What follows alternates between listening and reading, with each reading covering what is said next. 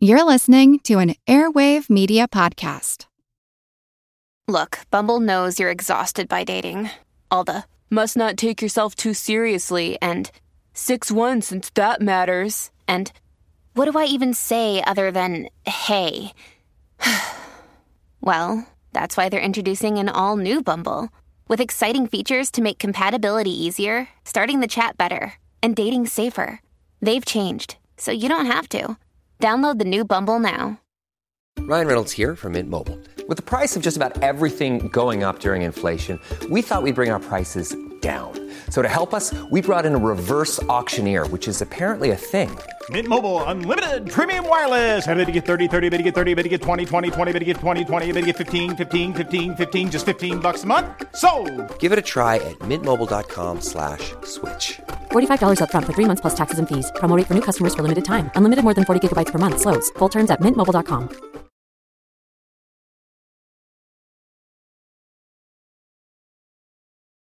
This is Kick Ass Politics. I'm Ben Mathis. If you're listening for the first time, this is a preview station for Kick Ass Politics where I put up a few sample episodes for you to check out. I hope you enjoy this episode, and if you like it, then I encourage you to go to our main program at Kick Ass Politics and subscribe to the show. There are a lot more episodes there. Just search for Kick Ass Politics on iTunes, or if you go to the information page for this episode on iTunes, there's a link right there to subscribe to the main show. Also, feel free to check out our webpage at kickasspolitics.com, where you'll find show notes, book recommendations, and all kinds of extras. I'm Ben Mathis, and I hope you enjoy this preview of Kick Ass Politics. Kick Ass Politics is brought to you by Fiverr.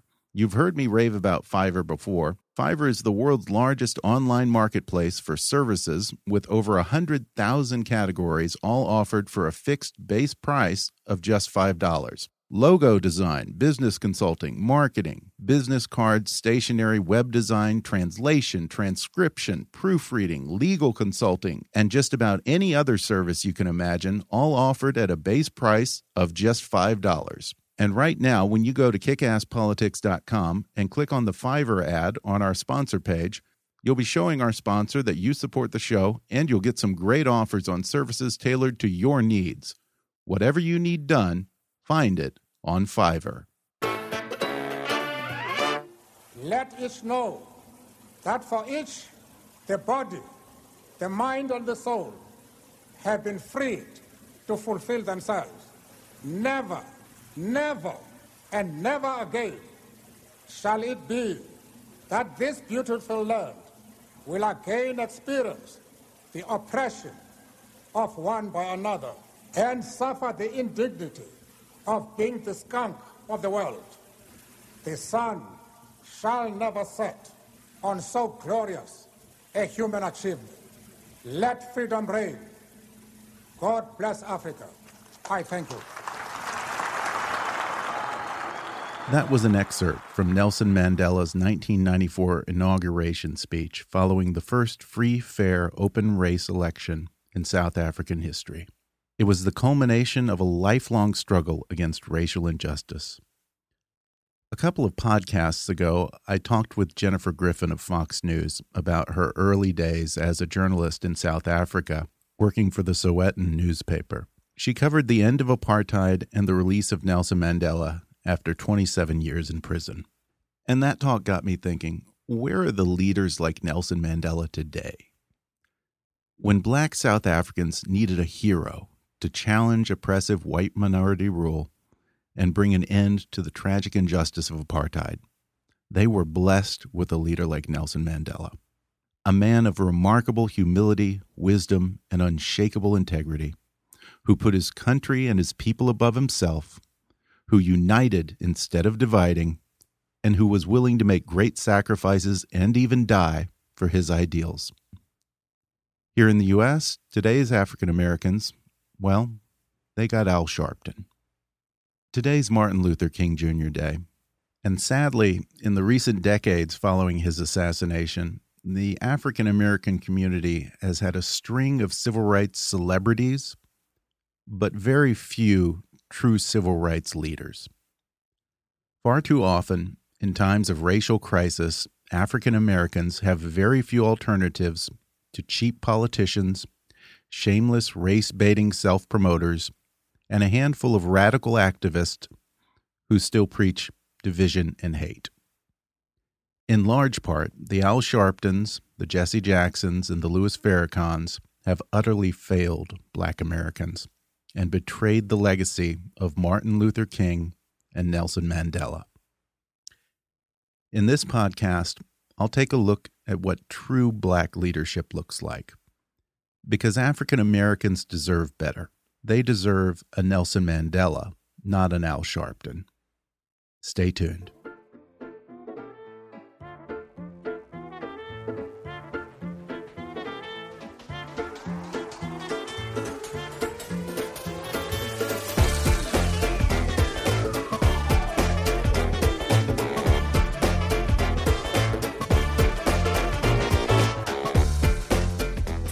Hollywood to Washington, it's time for Kick Ass Politics. And now here's your host, Ben Mathis. Just a few weeks ago was the one year anniversary of Nelson Mandela's funeral. Not since the passing of Winston Churchill 50 years prior had so many sitting heads of state gathered in one place to pay tribute to one man. That's because even the most powerful men and women in the world knew that they could only aspire to be the kind of person that Nelson Mandela was. He was a leader among leaders. I had the great privilege of meeting and getting to know Nelson Mandela several times over the years, both in South Africa and at various international events, including his 85th birthday in Johannesburg. And I remember when I first met the man, I just felt humbled like never before. There, there's really no other way to describe it.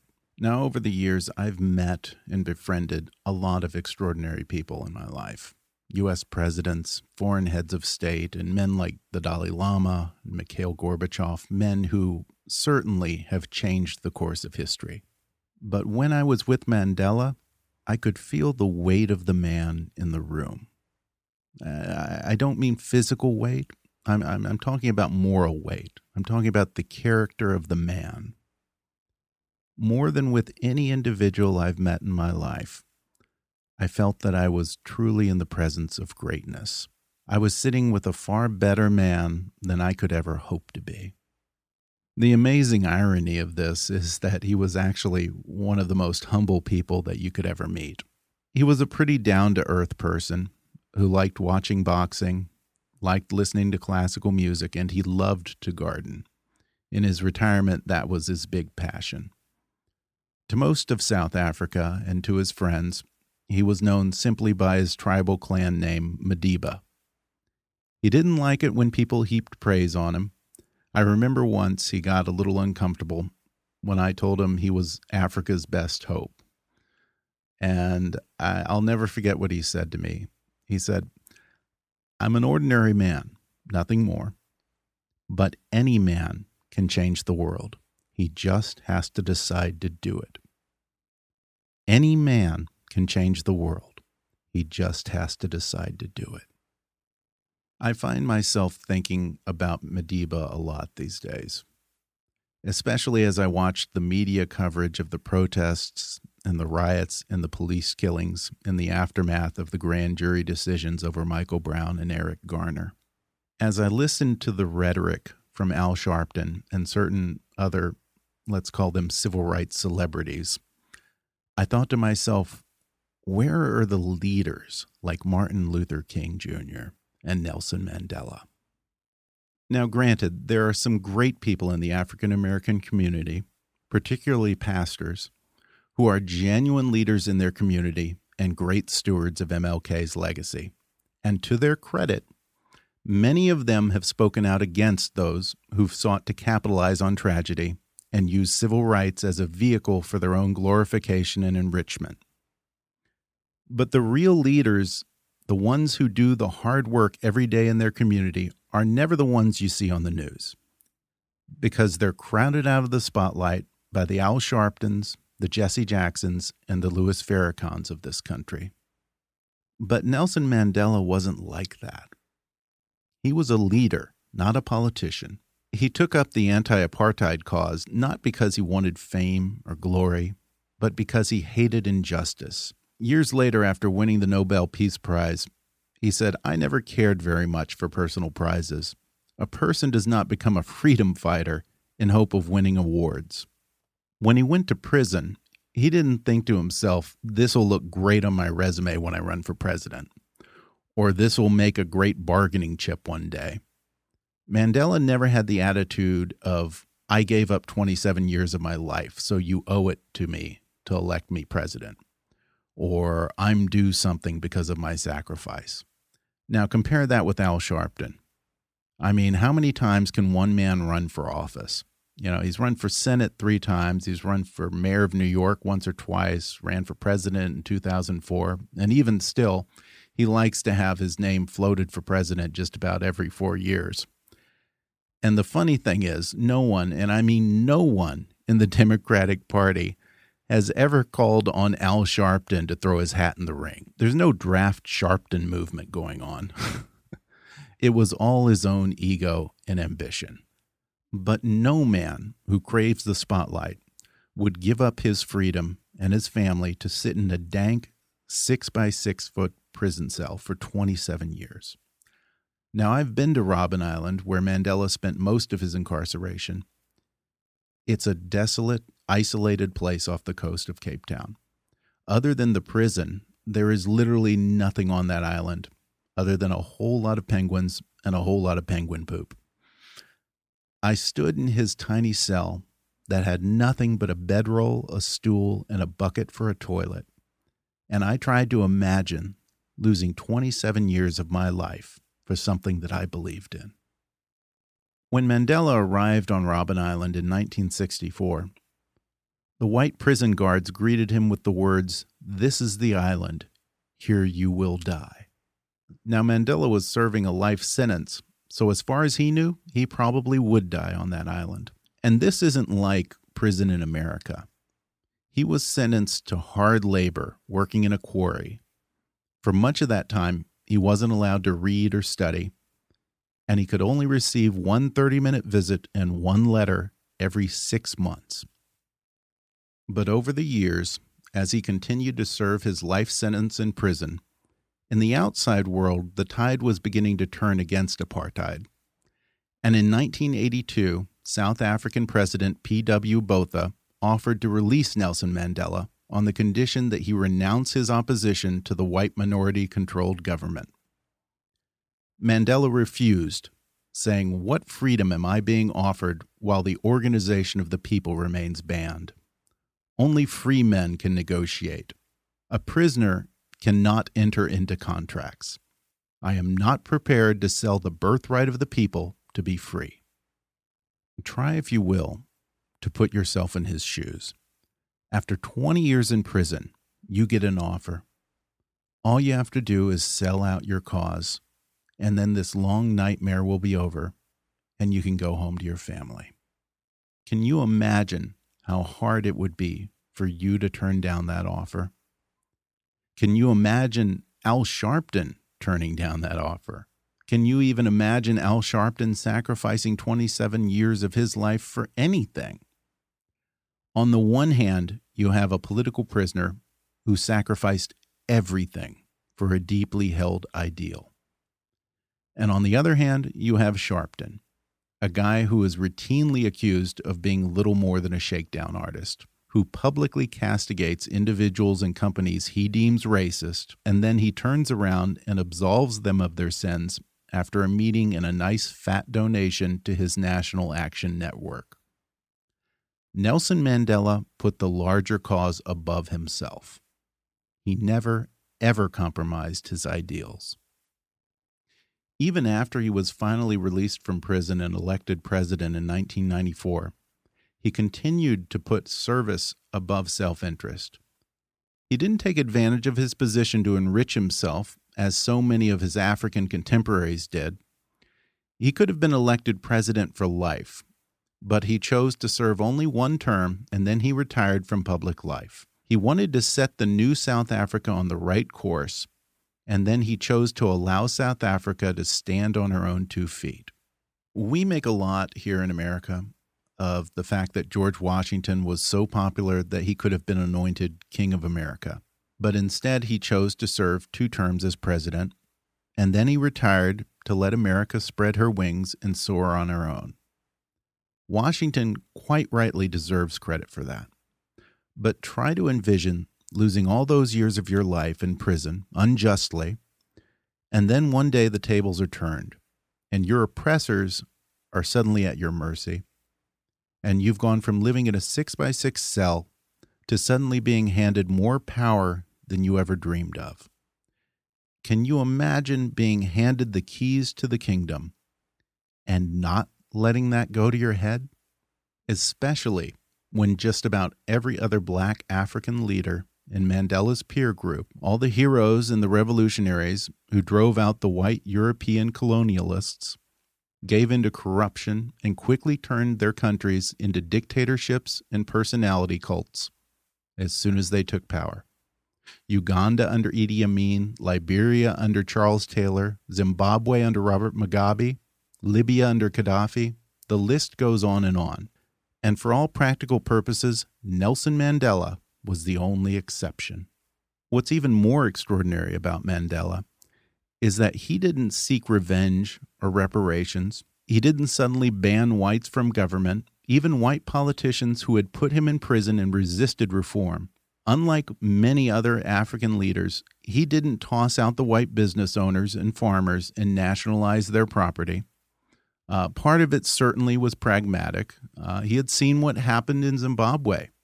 Zimbabwe was once known as the breadbasket of Africa.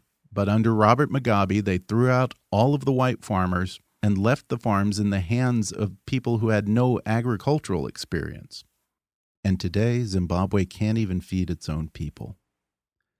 Mandela learned from that, and when he was elected president, he forgave politicians from the old apartheid era government. Mandela gave his own prison guards from Robben Island a place of honor at his inauguration and he even hired one of them to work for him while president. He didn't seek revenge. He didn't ask for reparations. He didn't castigate his former enemies. How does a man have 27 years of his life stolen from him? Not seeing his children grow up, not seeing his wife, losing the best years of his life, and come out of that long nightmare without any hate in his heart, without any anger or desire for retribution. That, my friends, is a level of personal character that is damn near superhuman. Nelson Mandela put it this way He said, As I walked out the door toward the gate that would lead to my freedom, I knew if I didn't leave my bitterness and hatred behind, I'd still be in prison. Well, I'm going to leave you with that thought as I cut to a short break, and then I'll be back to talk more about the remarkable legacy of Nelson Mandela.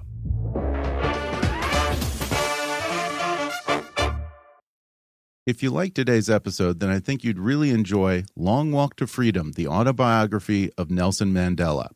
And right now, you can download the audio version of this book for free with a special promotion for our listeners from audible.com. Just go to audibletrial.com backslash kickasspolitics for a free 30-day trial and a free audiobook download, which can be Long Walk to Freedom, the autobiography of Nelson Mandela, or any of Audible's 180,000 titles for your iPhone, Android, Kindle, iPad, or MP3 player. That's audibletrial.com backslash kickasspolitics or click on the sponsor link on our webpage. Be sure to subscribe to the podcast on iTunes so you get fresh episodes as soon as they're available and leave us a review on iTunes. That actually helps us a great deal. And if you like what we're doing here at Kickass Politics, then please show your support for the show and make a donation by going to our GoFundMe campaign at gofundme.com backslash kickasspolitics or go to the show website and click on the donate link. I appreciate your encouragement and support. Welcome back. From the moment apartheid ended, Nelson Mandela put apartheid in the past. He focused on bringing together all of South Africa and moving forward as one nation. It wasn't black versus white anymore. It was about healing his country and uniting his people. Now compare that to America. It's nearly 50 years after the civil rights movement here, and yet so much of the rhetoric from today's African American leaders, whether it's Sharpton or Jesse Jackson and certainly Louis Farrakhan, so much of their message is still about us versus them. Black versus white, pitting one group against another, entitlement, reparations, and retribution. In fact, here's a little experiment for you.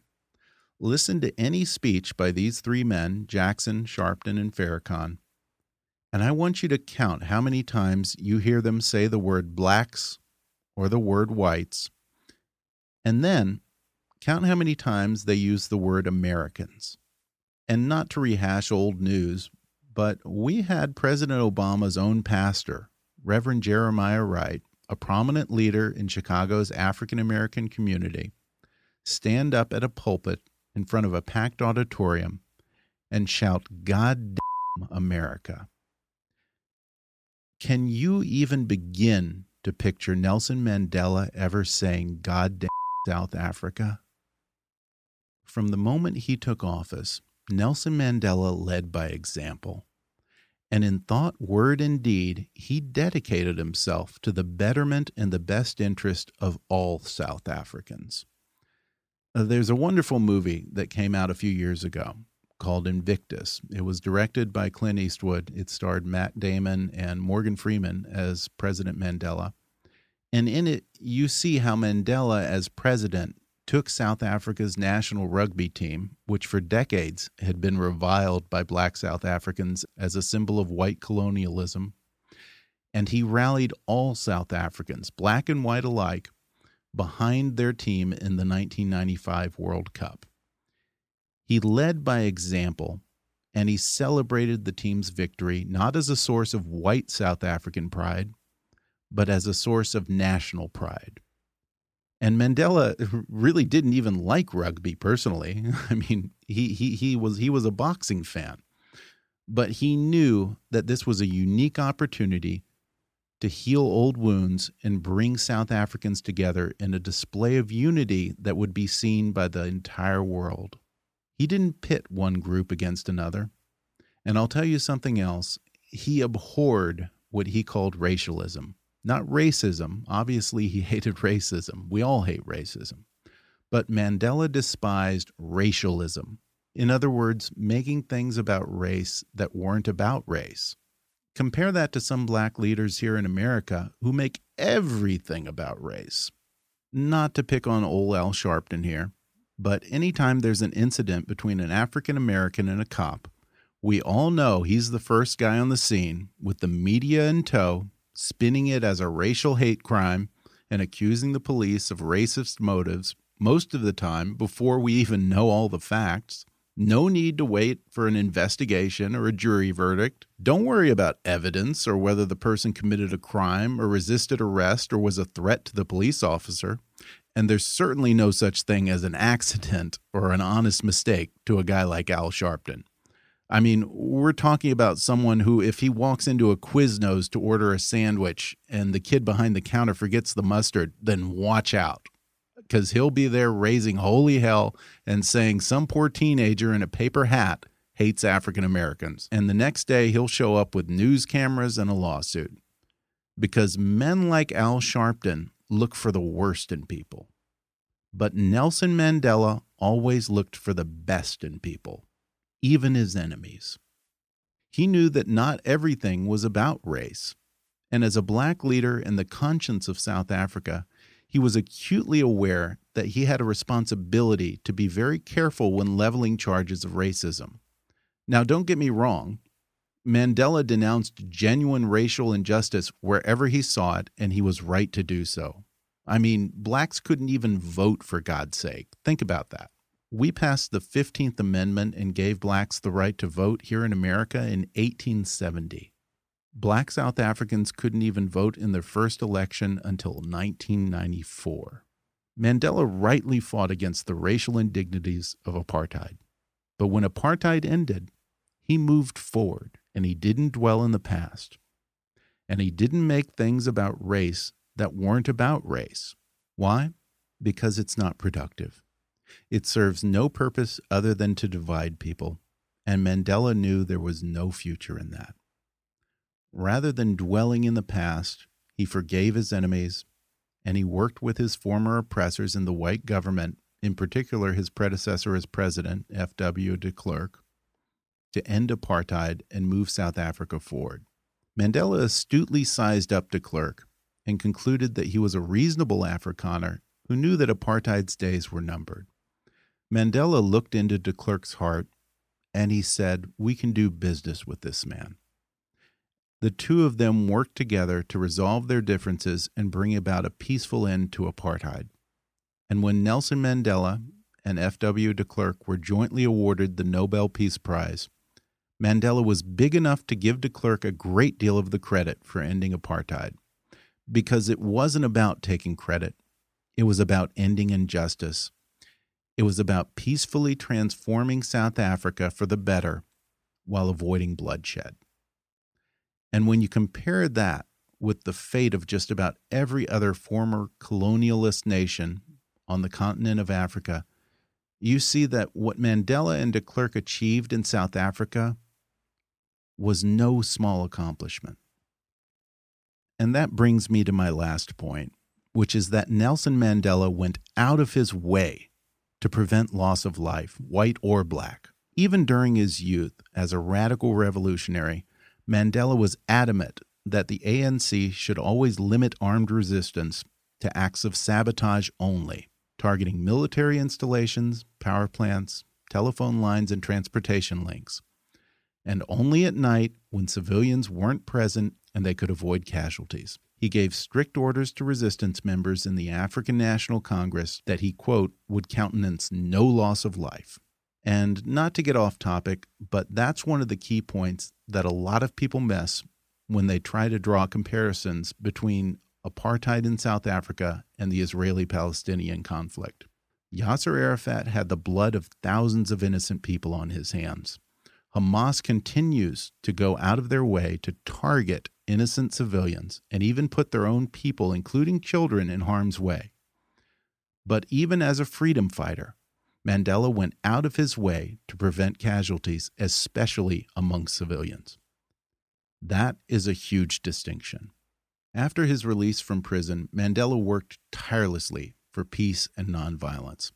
Time and again, as tensions ran high between blacks and whites, Mandela went above and beyond to turn down the temperature and plead with black South Africans to resist the temptation for violent retaliation.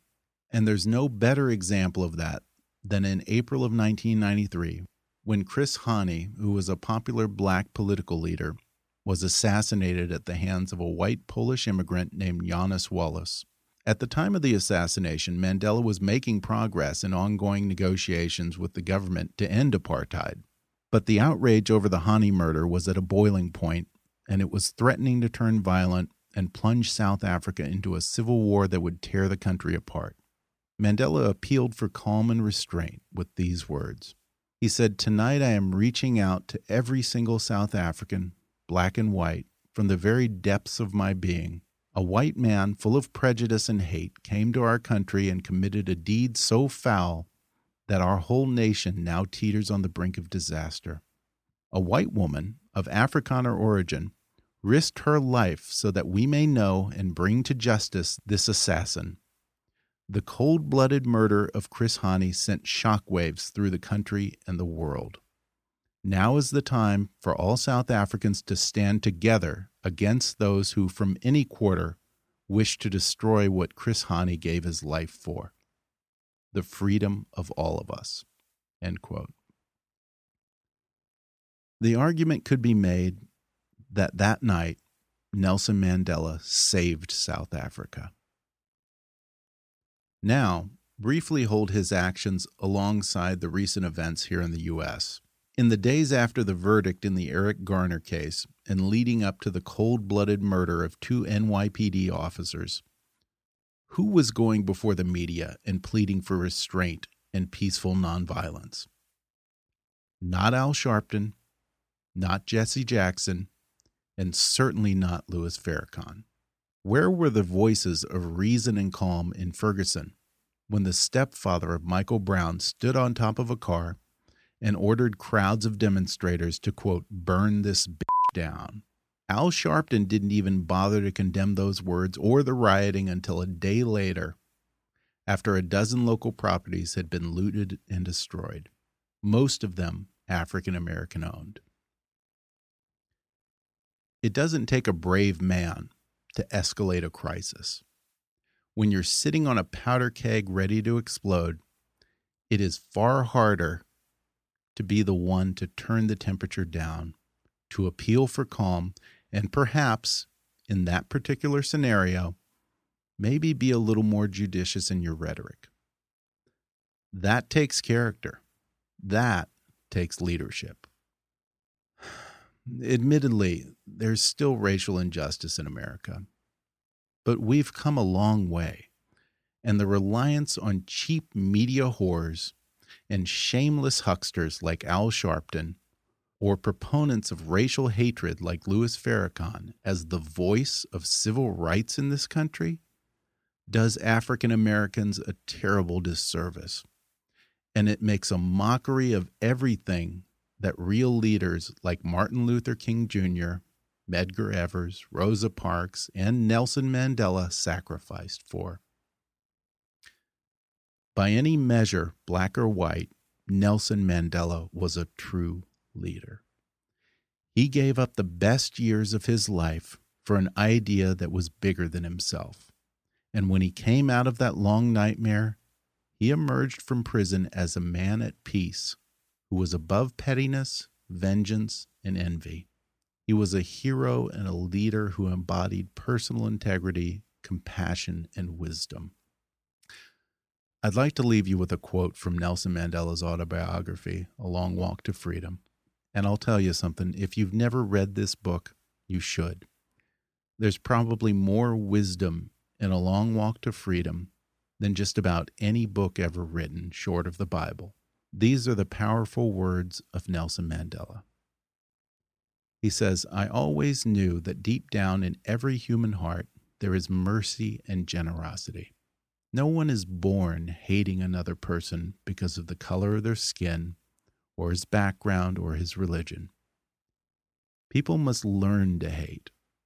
And if they can learn to hate, they can be taught to love. For love comes more naturally to the human heart than its opposite. That was Nelson Mandela. I know this episode may ruffle a few feathers, and there are probably those who will say, why couldn't you have just honored Nelson Mandela? Why even bring Al Sharpton and all of this negativity into it? And that's fair. It is. It is. But I gave this episode the title I did because I mean it. Today's African Americans deserve better leadership than what they've been stuck with. They deserve a hero, not a political hack, or a race baiter, or an opportunist. They deserve someone like Nelson Mandela. To settle for anything less sells the whole cause short. You know, we could all stand to be a little bit more like Nelson Mandela. Madiba was the most extraordinary man I ever met. I'm Ben Mathis. Thank you for listening to Kick Ass Politics.